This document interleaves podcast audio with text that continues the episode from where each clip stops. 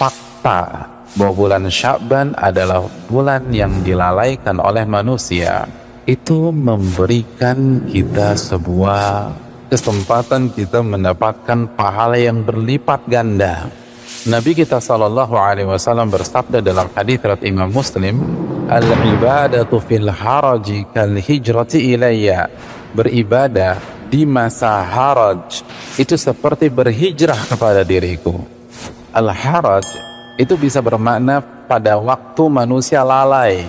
Ketika manusia lalai, antum beribadah, itu kita di samping mendapatkan pahala sholat, puasa, zikir, baca Al-Quran, hadiri pahala hijrah ke Rasul Sallallahu Alaihi Wasallam. Ibadah yang sangat prestisius ibadah yang hanya dimiliki secara real oleh sosok-sosok yang bernama para sahabat ibadah yang wujudnya adalah berjalan mempertaruhkan nyawa sejauh kurang lebih 450 sampai 500 kilo dari Mekah ke Madinah.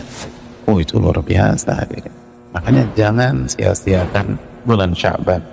Nah, itu kalau kita bisa semangat beribadah, itu pahalanya luar biasa hadirin.